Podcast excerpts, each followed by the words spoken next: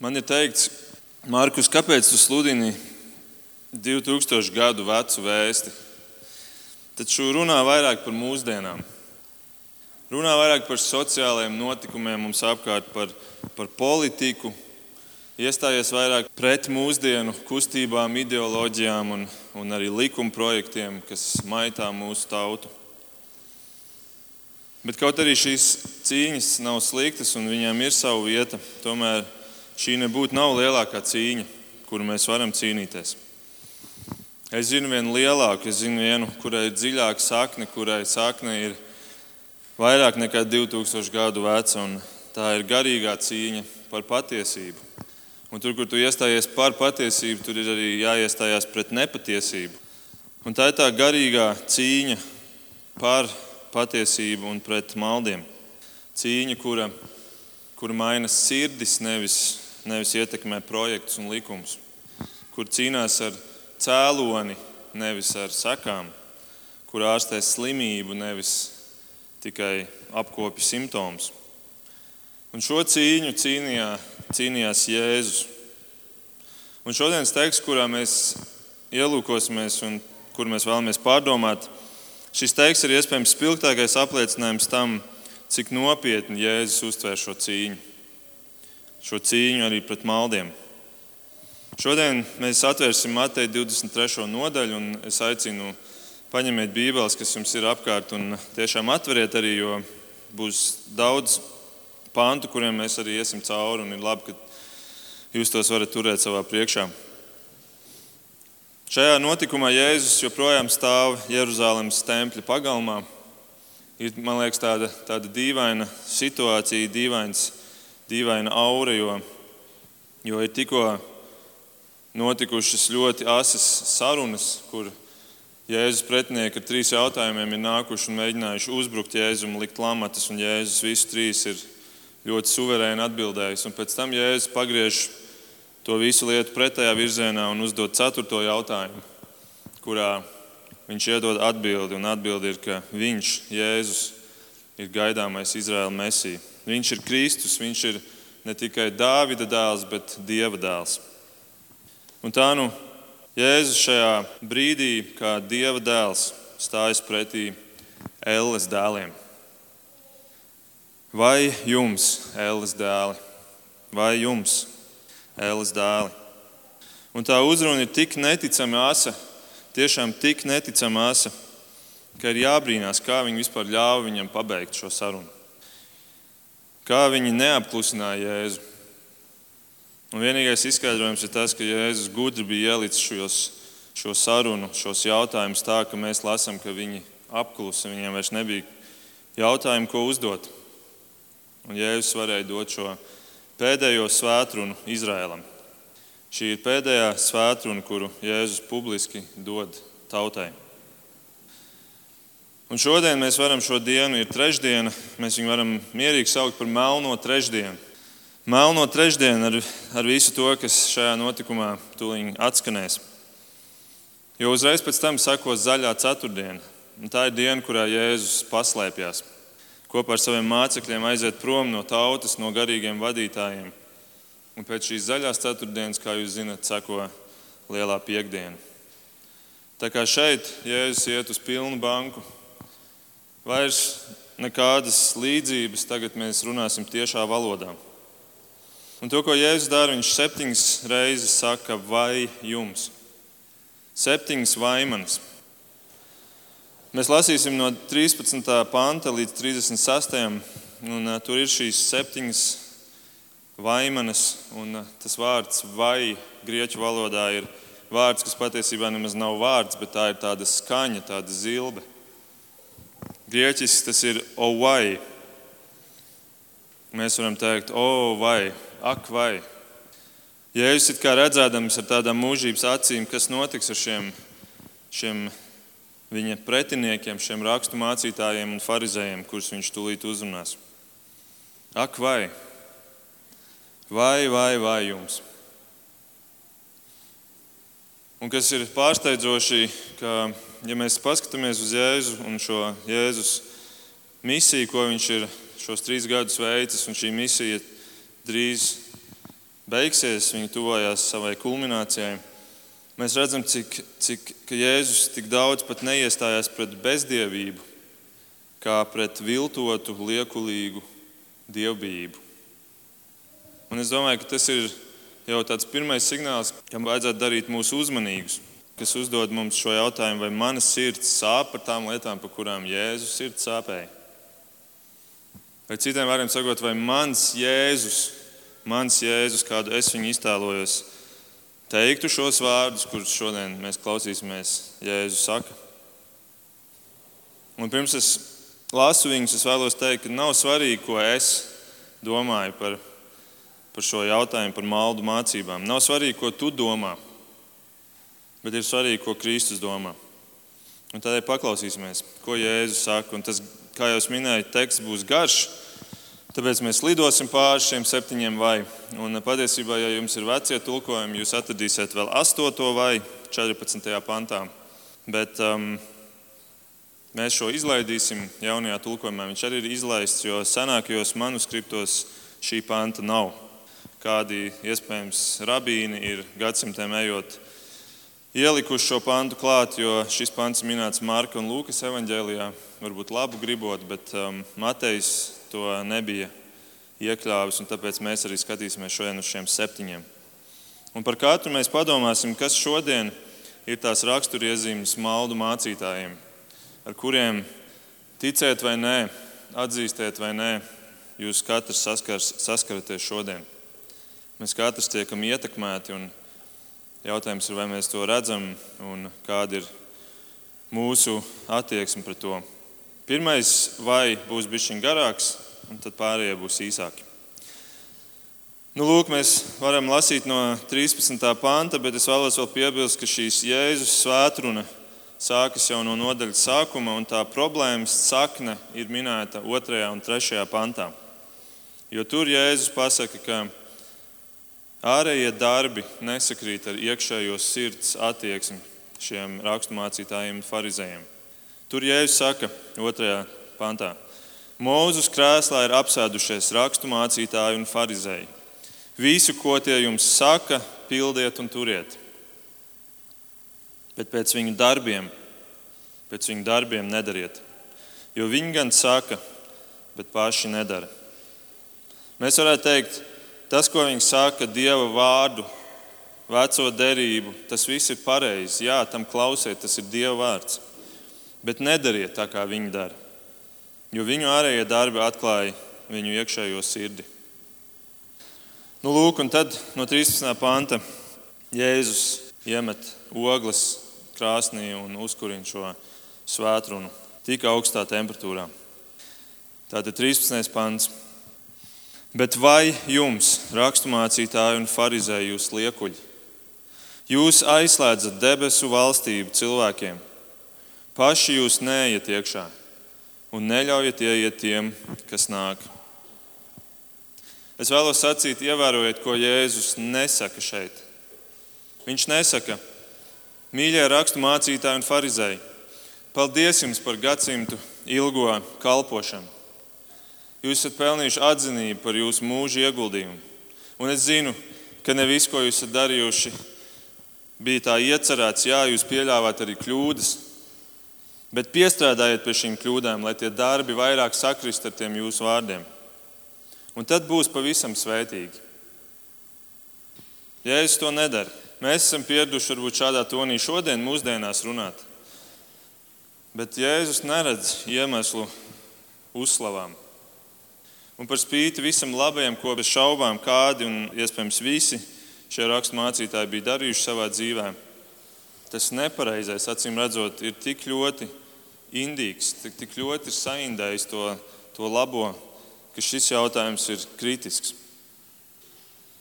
Es vēlos vēl vienu lietu izcelt, ko Jēzus nesaka. Jēzus kritika neskan šādi.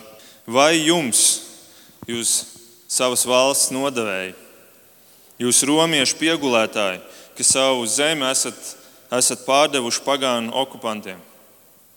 Vai jums, jūs vienaldzīgie un bezatbildīgie, kuri neiestājas pret Cēzara un Ponciju Pilāta likuma projektiem un tā tālāk? Nē, Jēzus koncentrējās nevis uz to laicīgo, kas tajā brīdī notika apkārt politiskajā vai nacionālajā līmenī. Arī ne sociālajā līmenī, bet Jēzum ir konkrēta viena tēma, kur ir tik, tik daudz svarīgāka par visu pārējo. Šī kritika ir par vistālējošāko, par vislielāko, visdziļāko, vissmagāko, ko cilvēks spēj aizskart savā dzīvēm. Un, ziniet, Jēzus runā par kaut ko, kas cilvēkam ir aizskarams, kas ieved dievišķajā sfērā. Kaut ko tik lielu, kas visiem, visiem laicīgiem likuma projektiem un, un politikai pārmet milzu ēnu un satriec tos putekļos. Un tas ir durvis. Jēzus saka, ka ir durvis uz debesu valstību. Mēs varētu teikt, ko ir tādas durvis, kas ved uz debesīm? Un cilvēkam šīs durvis ir, ir, ir atrodamas un pieejamas. Jā, Dievs ir ielicis durvis. Dievs ir ielicis durvis, kuras cilvēkam ir aizsniedzams.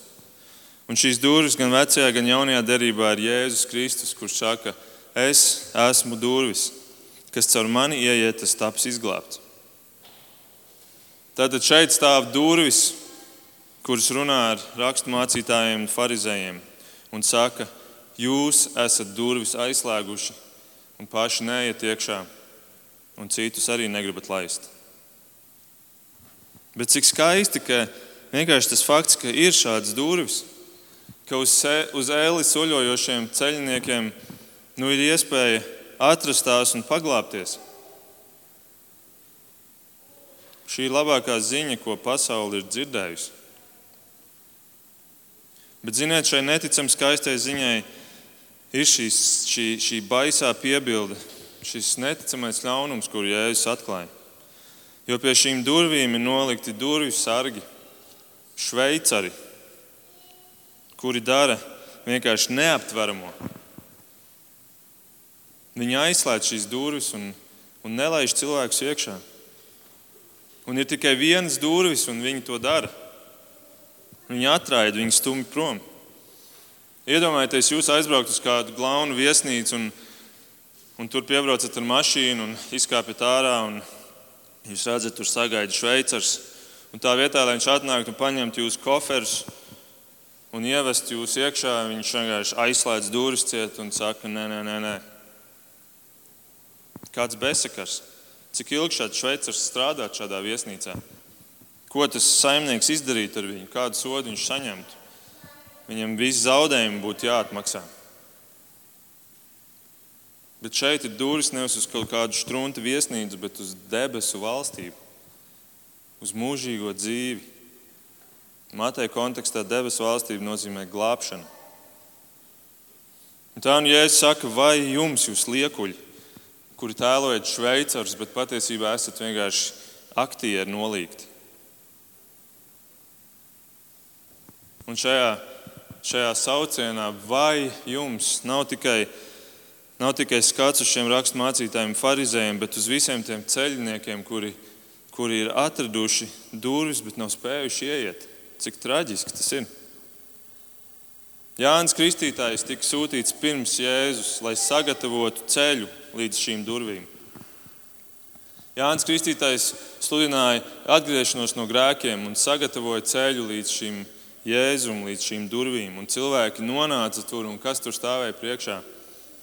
Maldu mācītāji, rakstu mācītāji un farizēji, kuri paši nebija gatavi ieiet, bet, bet arī citiem neļāva.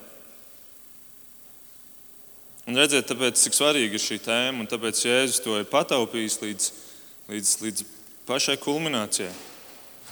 Tu vari atrast patiesību, bet kamēr tu nezini, kas ir tā viltotā blakus parādība, patiesība, tikmēr tu iespējams pat nezinās, kas ir vispār šī patiesība.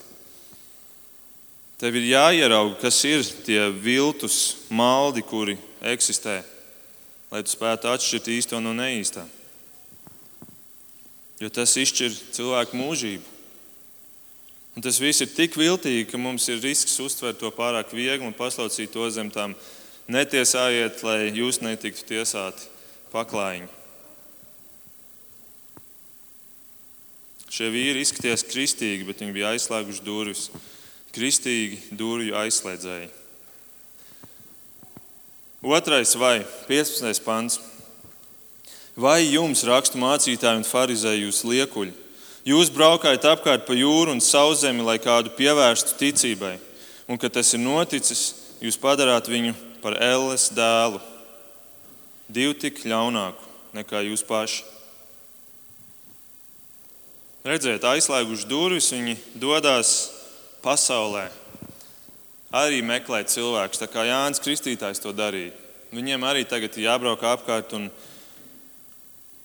un jā, jāaicina cilvēku uz kādām citām durvīm, uz Elles vārtiem. Un viņi ne tikai gaida, bet viņi braukā un meklē. Un tad, kad viņi kādu atraduši, tad šis konvertīts ir kļuvis vēl, kļūst vēl par dedzīgāku nekā viņi paši ir. Kā jau tas ir, arī mums, kristiešiem, kad kāds atgriežas, viņš ir dedzīgāks nekā tie, kuri ir jau otrajā, un trešajā un astotajā paudzē kristieši. Bieži vien. Un Jēzus šeit izvēlās ļoti smagus vārdus. Viņš saka, jūs ēles dēli, jeb jūs viņus padarat par ēles dēliem. Dēli ēles tēvam. Jāņa 8. Jēzus ir teicis, jūs esat no sava tēva vēlna, un jūs gribat darīt sava tēva kārības. Viņš no iesākuma ir bijis cilvēku slepkava un nav pastāvējis patiesībā, jo viņā nav patiesības. Kad viņš runā melus, viņš runā to, kas ir no viņa paša, jo viņš ir melis un melu tēvs. Tātad Jēzus skaidri pasakā, šie visi ir meli. Šiem Ēlas dēliem tēvs ir vēlns un viņš ir melu tēvs. Tad tā otrā pazīme atklāja, ka, ka šie durvju sārgi attur no Dieva valstības, sludinot melus. Mūsu ticība nav tikai tas, ka mēs esam pieņēmuši Jēzu, mums ir jācīnās pret meliem, mums ir jāiestājās par patiesību. Un melu tēvs ir viltīgs, un viņš ne tikai gaida, ka kāds uzķerās uz viņu, bet viņš iet pats un meklē. Un viņš pārveido neticīgus cilvēkus par konvertītiem, kuri kļūst par Ēlas dēliem un kuri ir dedzīgi. Un ticiet man, šie dedzīgie cilvēki aizsniedz arī mūsu, mūsu ikdienā. Šodien tik daudz kristietībā ir ienākuši no Amerikas pārsvarā importētā doma par, par, par pragmatisko pieeju draudzē, ka mums ir jā, jāvērtē, kā biznesi labi strādā un tie labie piemēri jāievieš draudzē un jāmēģina, lai draudzes apmeklējums aug no tā. Un, un varbūt jārunā mazāk par grēku, mazāk par elli, jo tas cilvēkiem nepatīk. Bet, ziniet, ja es saku, tā visa ir mēlu ticība. Tā ir mirusi ticība, tā ir beigta reliģija. Tas ved uz elli. Trešais vai 16. pantā.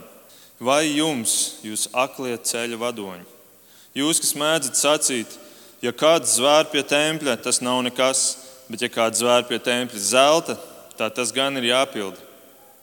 Aklie stulbeņi, Kas tad ir lielāks, zelts vai templis, kas svētī zeltu? Un jūs sakāt, ja kāds zvēr pie altāra, tas nav nekas, bet ja kāds zvēr pie upurdāvans, kas ir uz altāra, tad gan tas ir jāpilda. Aklie. Kas tad ir lielāks, upurdāvana vai altārs, kas upurdāvanu svētī? Kas zvēr pie altāra, zvēr pie visa, kas uz tā atrodas, un kas zvēr pie tempļa, zvēr pie visa, kas tur mīt kas zvēr pie debesīm, zvēr pie dieva troņa un pie tā, kas tajā sēž. Lai saprastu kontekstu, mēs šodien izmantojam līgumus, lai dotu solījumus un piefiksētu tos. Tajā laikā cilvēki deva zvērastus. Viņiem nebija notāri pieejami pa labi, pa kreisi. Tādēļ, ja viņi kaut ko gribēja apsolīt, viņi deva zvērstu. Un, protams, lielākā lieta, pa ko tu varēji zvērēt, bija bija templis, bija dievs. Dievs varbūt ir pārāk augsts, bet nu, templis jau tas ir kaut kas, tas ir kaut kas nopietns. Jēzus, protams, teica, nezvēriet vispār, lai jūsu jā ir jā un nē ir nē, un Dieva priekšā, lai tādā veidā tiek atklāta jūsu patiesā sirds. Bet viņiem šī zvērēšana bija, bija ikdienišķa lieta. Un, ziniet, viņi tik daudz zvērēja, ka viņi ļoti daudz šo zvērestu nespēja pildīt. Un tāpēc vārds templis bija tik tālu nodriskāts, ka vairs neskaitījās. Ja tu zvēri pie tempļa, tas vairs neskaitās. Vai kaut ko konkrētāku, kaut ko, kas ir templī iekšā, un tad tas skaitīsies. Tas pats ar altāru. Altārs tas jau ir pārāk nodriskāts.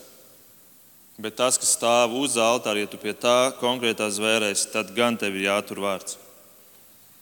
Ja es šeit vienkārši pasaku, jūs esat apgriezuši vērtības otrādi. Kas tad ir tas, kas svētī? Lielākais taču svētī mazāko, nevis mazākais lielāko. Padomājiet, ja Dievs mājo templī, tad templis jau ir svētīts, un tad arī visas tempļa zelts būs svētīts. Bet viņiem jau sen vairs nebija svēts ne, ne templis, ne dievs. Vismaz viņu sirdīs. Viņi vienkārši pievilka dieva, dieva vārdu, lai viņu zvēres izklausītos nopietnāks. Un es arī domāju, šodien mums cik daudz cilvēki, cik daudz arī kustības piesauc tā kunga vārdu līdzīgos veidos, tīpaši, kad viņi runā par kaut kādiem nākotnes notikumiem, un lai tas viss izklausītos nopietni garīgi. Tas kungs man teica to un to. Tas kungs man atklāja to un to. Tas kungs man dāvāja vīziju.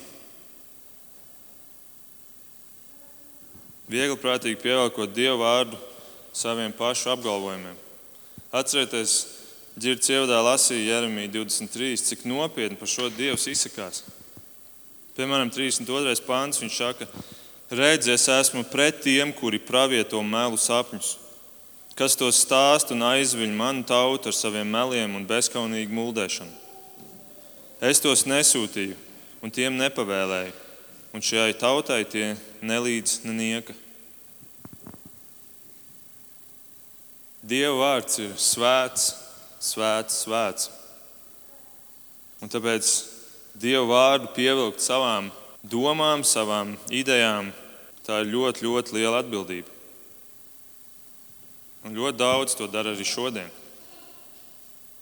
Bet šajā Jeremijā 23. Dievs teica, ka, ja tie ir tavi sapņi, tad arī stāsti to kā sapni. Bet, ja tas ir mans vārds, tad māci viņu kā manu vārdu. Ja tu mācīsi savus sapņus, tad Dievs saka, ka tas tautai nelīdz nenieka. Tas nelīdz nenieka jo viņi ar to nespēs ieiet pa šīm durvīm. Ceturtais vai 23. pantā. Vai jums, rakstu mācītāji un farizēji, jūs liekuļi? Jūs dodat desmito tiesu no mētrām, dillēm un ķimenēm, bet vienlaikus jūs atmetat to, kas ir svarīgākais bauslībā - taisnīgu tiesu, žēlsirdību un ticību. Šo jums vajadzēja darīt un arī otru neatmest. Aklie ceļa vadoņi, Jūs knišļus izkāšat, bet kamieļus noriet. Ja es šeit pieminu dīles un visādus sīkus augus, atklājot, ka jūs esat tik sīkumaini, tur, kur ir šīs āršķirīgās lietas, jūs tautai rādat, ka jūs pat dilītes tur saskaitat un nosverat, lai būtu desmitā daļa. Jums ir tik asa fokus uz tiem sīkumiem, uz tām āršķirīgajām detaļām kamēr jums ir pilnīgs aklums uz to būtisko. Un tas ir šodien joprojām izplatīts mums. Fokus uz nepareizām lietām. Es esmu arī vairāk kārt teicis, ka šie neveselīgie fokusi arī, arī kristietībā ir tas iemesls, kāpēc mums ir tik daudz konfesiju. Vienam fokus ir uz tām ikonām un svētbildēm un uz to, uz to āršķirīgo un, un, un, un jāskūpsta, viņas ir jābučo. Jo viņas ir tik svarīgas, viņas ir fokusā. Citam fokus ir uz Mariju Un ir jālūdz Marija pat mūsu Tēvs debesīs lūgšanai, jo redz, ir fokus arī uz Mariju jāliek. Fokus uz Jēzus vietnieku šeit virs zemes, pāvestu. Citiem ir kādi fokusi uz, uz kādiem reformatoriem, un tad sauc visu savu konfesiju viņu vārdos. Citiem ir fokus uz sakramentiem, un kamēr tu neiesi pie vakarēdiena, tikmēr tev ir jāšaubās, vai tu negadījumā neatkritīs no savas ticības. Un tad ir fokus uz svētā gara dāvanām un brīnumiem, kuri, ja viņu nav, tad jautājums ir, vai tu esi patiesa kristietis. Un tā tālāk, un es nesaku, ka viņi visi uzreiz ir maldi, bet tur ir paaugstināts risks pavilkt cilvēku no tā taisnā ceļa pie Kristus. Jo tie ir kā tādi magnēti, kas tev velk uz vienu pusi, uz otru pusi un pievelk, un, un tu tur arī paliec bieži vien. Šie fokus spēja tik labi notušēt to, ka tu patiesībā dziļi sirdī neesi mierā ar to vienkāršo Bībeles Kristu. Tev vajag kaut ko āršķirīgu, tev vajag kādu piedzīvojumu. Kamēr to nav, tikmēr ir tukšums un ir jāmeklē. Un tad ir šie visi fokusi, kuri, kurus kādu laiku to aizpilda. Nepareizs fokus. Un Jēzus to tik skaidri pasvītro. Viņš saka, jūs knīšļus izkāšat, bet kamieļus noriet. Kāpēc knīšļi un kamieļi? Tāpēc, ka 3. mūzes grāmatas 11. nodaļā ir uzskaitīti visi nešķīstie dzīvnieki. Un mazākais nešķīstais dzīvnieks ir knīslis, un lielākais nešķīstais dzīvnieks ir kamielis.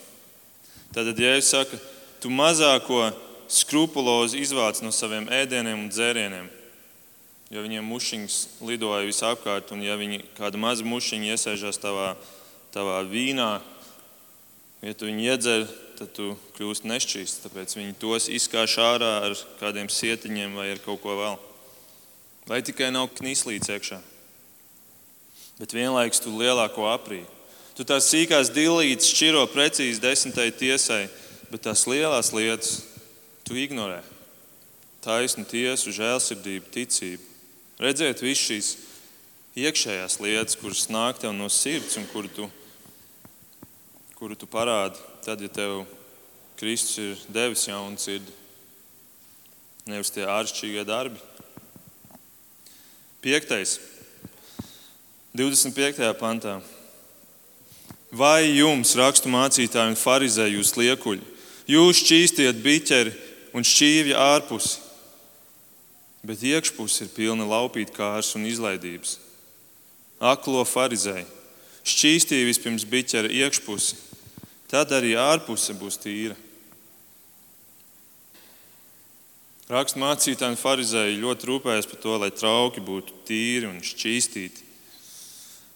Bet tā problēma bija, ka trauka iekšpuse bija netīra. Ja es saku, pilna laupītkārs un izlaidības.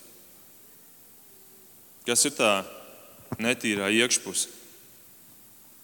Tas ir tas saturs. Tas ēdiens un tas dzēriens bija patiesībā zakts Un te mēs esam nonākuši pie mūsdienu labklājības teoloģijas, kas šodien piedzīvo globālo uzvaras gājienu. Šī labklājības teoloģija zogas iekšā, Dieva vārdā tu sludini, ka tev vajag būt veselam un pārtikušam finansiāli. Ja tu ziedos baznīcā, ja tu ziedos garīdzniekiem, tad, tad tavi trauki būs pilni, un, protams, sludinātāju trauki arī būs pilni bet pilna ar ko? Kas par liekulību, kas par bezskaunību. Un atkal mēs varam teikt, ārēji tik skaisti, bet iekšēji pretīgi. Par rakstu mācītājiem, farizējiem, ja es arī citviet pietiekami daudz ir teicis, ka viņi uzliek visādas nastas un visādus noteikumus, pildot savus kabatas un padarot cilvēkus nabagus. Sastais vai 27. pantā. Vai jums, rakstu mācītāji un farizēji, jūs liekuļi? Jūs esat līdzīgi nobalsinātām kapenēm, kas no ārpuses izskatās skaistas, bet no iekšpuses ir pilnas miroņu kauliem un visādām nešķīstībām.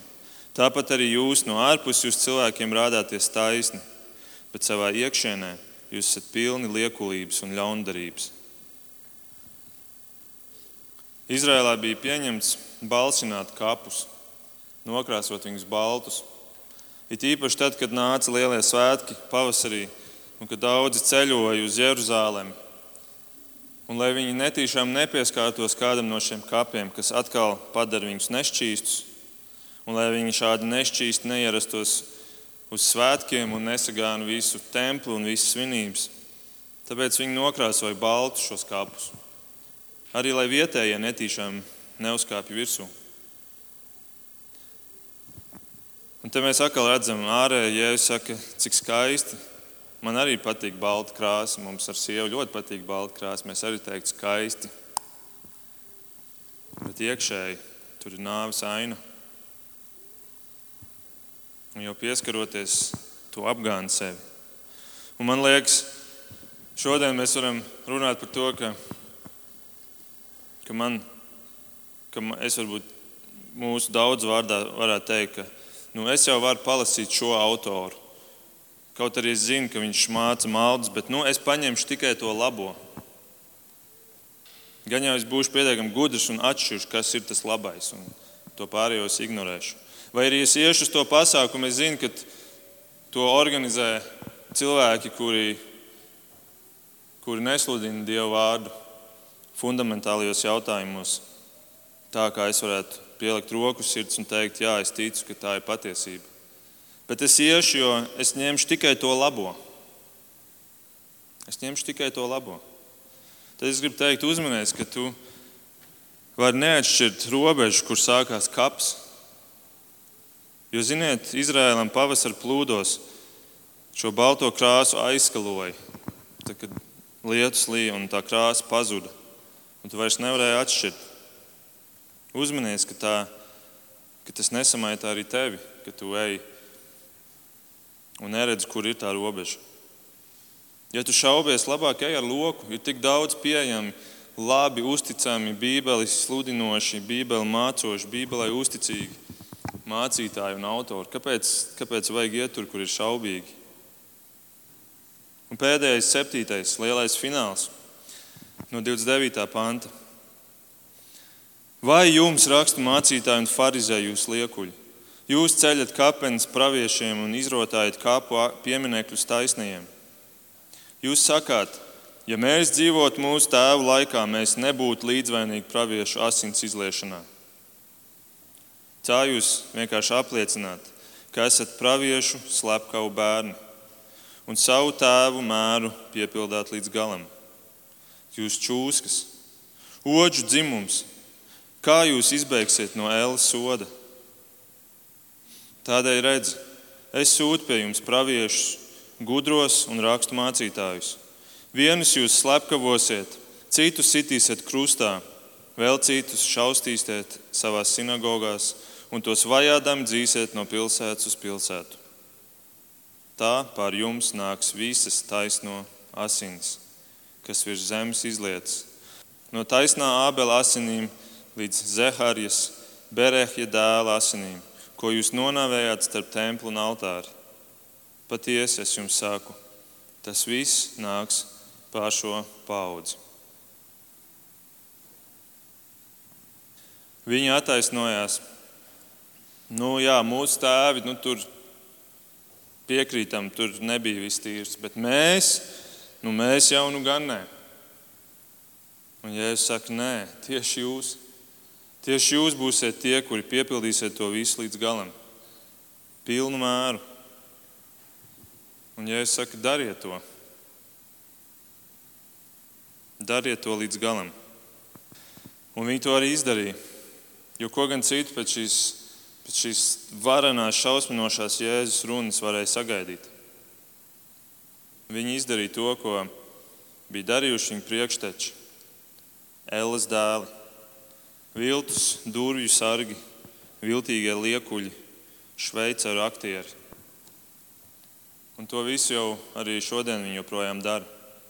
Kristieši švajā, spīdzina un slaktē, un tikai mēs te dzīvojam tādā siltumnīciņā, un nejūtam ēles karsto elpu, ja neskaidrs, ka mēs paši sev labprāt apkrājam ar visādu ēles dēlu grāmatām, video, svētdienām un podkāstiem. Jo tik liels piedāvājums ir viltus praviešiem. Bet ziniet, kāpēc ir tik liels piedāvājums? Tāpēc, ka ir tik liels pieprasījums. Jā. Un tā un es beigās vēlos pateikt divas domas mums šodien par šo visu, kuram mēs tā ātri izkrājām cauri. Viena lieta, viena doma tāda patīkamāka un viena tāda nepārāk patīkama. Es sākšu ar to mazāk patīkamo. Šodienas teksts ir brīdinājums mums neustvert šo lietu viegli prātīgi. Mums ir izaicinājums mūsdienu kultūrā kļūt ar vien iecietīgākiem, kļūt ar vien cieņpilnākiem, ar tādu mīlestību, kur ir viltus mīlestība. Bet mums ir jābūt uzmanīgiem, un, un ne tikai tas, ka mums ir jāiestājās par, par nepatiesību, ja pret nepatiesību. Mēs neesam Jēzus, mēs esam krituši cilvēki, kuri ir padarīti jauni, bet mēs joprojām nezinām visu un nespējam. Mums ir jābūt daudz uzmanīgākiem. Bet tas, ko mēs varam darīt, ir nelaižam iekšā visādus mēslus. Nelaižam iekšā tik daudz uz cilvēku pieredzi un dzīves stāstiem balstītu mācību un atziņas. Tikai Bībele ir Dieva vārds, tikai, tikai Bībele ir pilnībā uzticama. Bez jēzus arī citi jaunās darbības autori brīdina par šo jautājumu un tā viltīgo dabu, piemēram, Pāvils raksta Timotejam. Būs laiks, kad ļaudis vairs necietīs veselīgo mācību.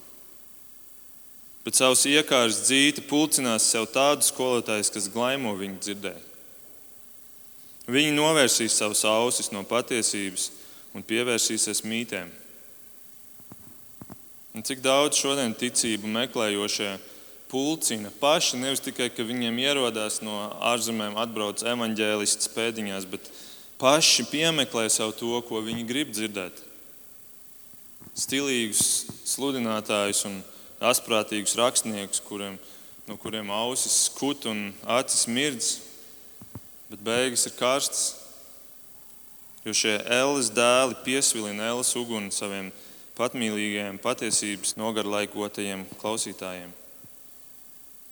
Un tā pazīme ir, ka viņi pārsvarā māca dari.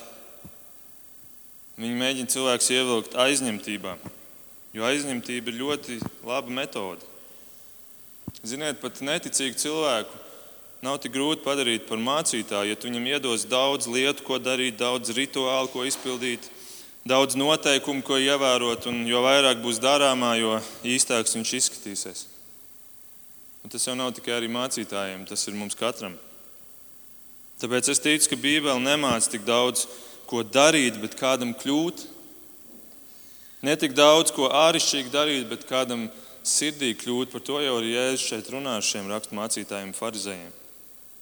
Šo darīšanu, darīšanu, darīšanu labprāt māca šie maldu mācītāji, liekot uzsvaru šo āršķirīgo, bet tā darīšana vien ir ļoti bīstama.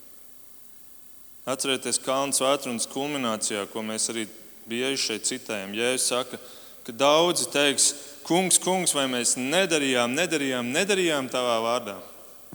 Visu kaut ko. Un tad es teikšu viņiem, ja es saku, es jūs nekad neesmu pazinis. Jā, jūs daudz ko darījāt, jo jums mācīja jūsu mācītāji, kurus jūs esat piemeklējuši. Bet jūs nekad neesat kļuvuši par maniem paziņām, par maniem draugiem, par maniem mācekļiem, par maniem sekotājiem. Darījuši, jā, bet kļuvuši. Es jūs nepazīstu. Ejiet ellē ar savu uz sevi vērsto ticību. Ejiet ellē pie saviem ēles dēliem, kuriem tik labprāt sekojāt, kamēr es jūs saucu pie sevis, pie sava vārda. Ar to darīšanu ir bīstami.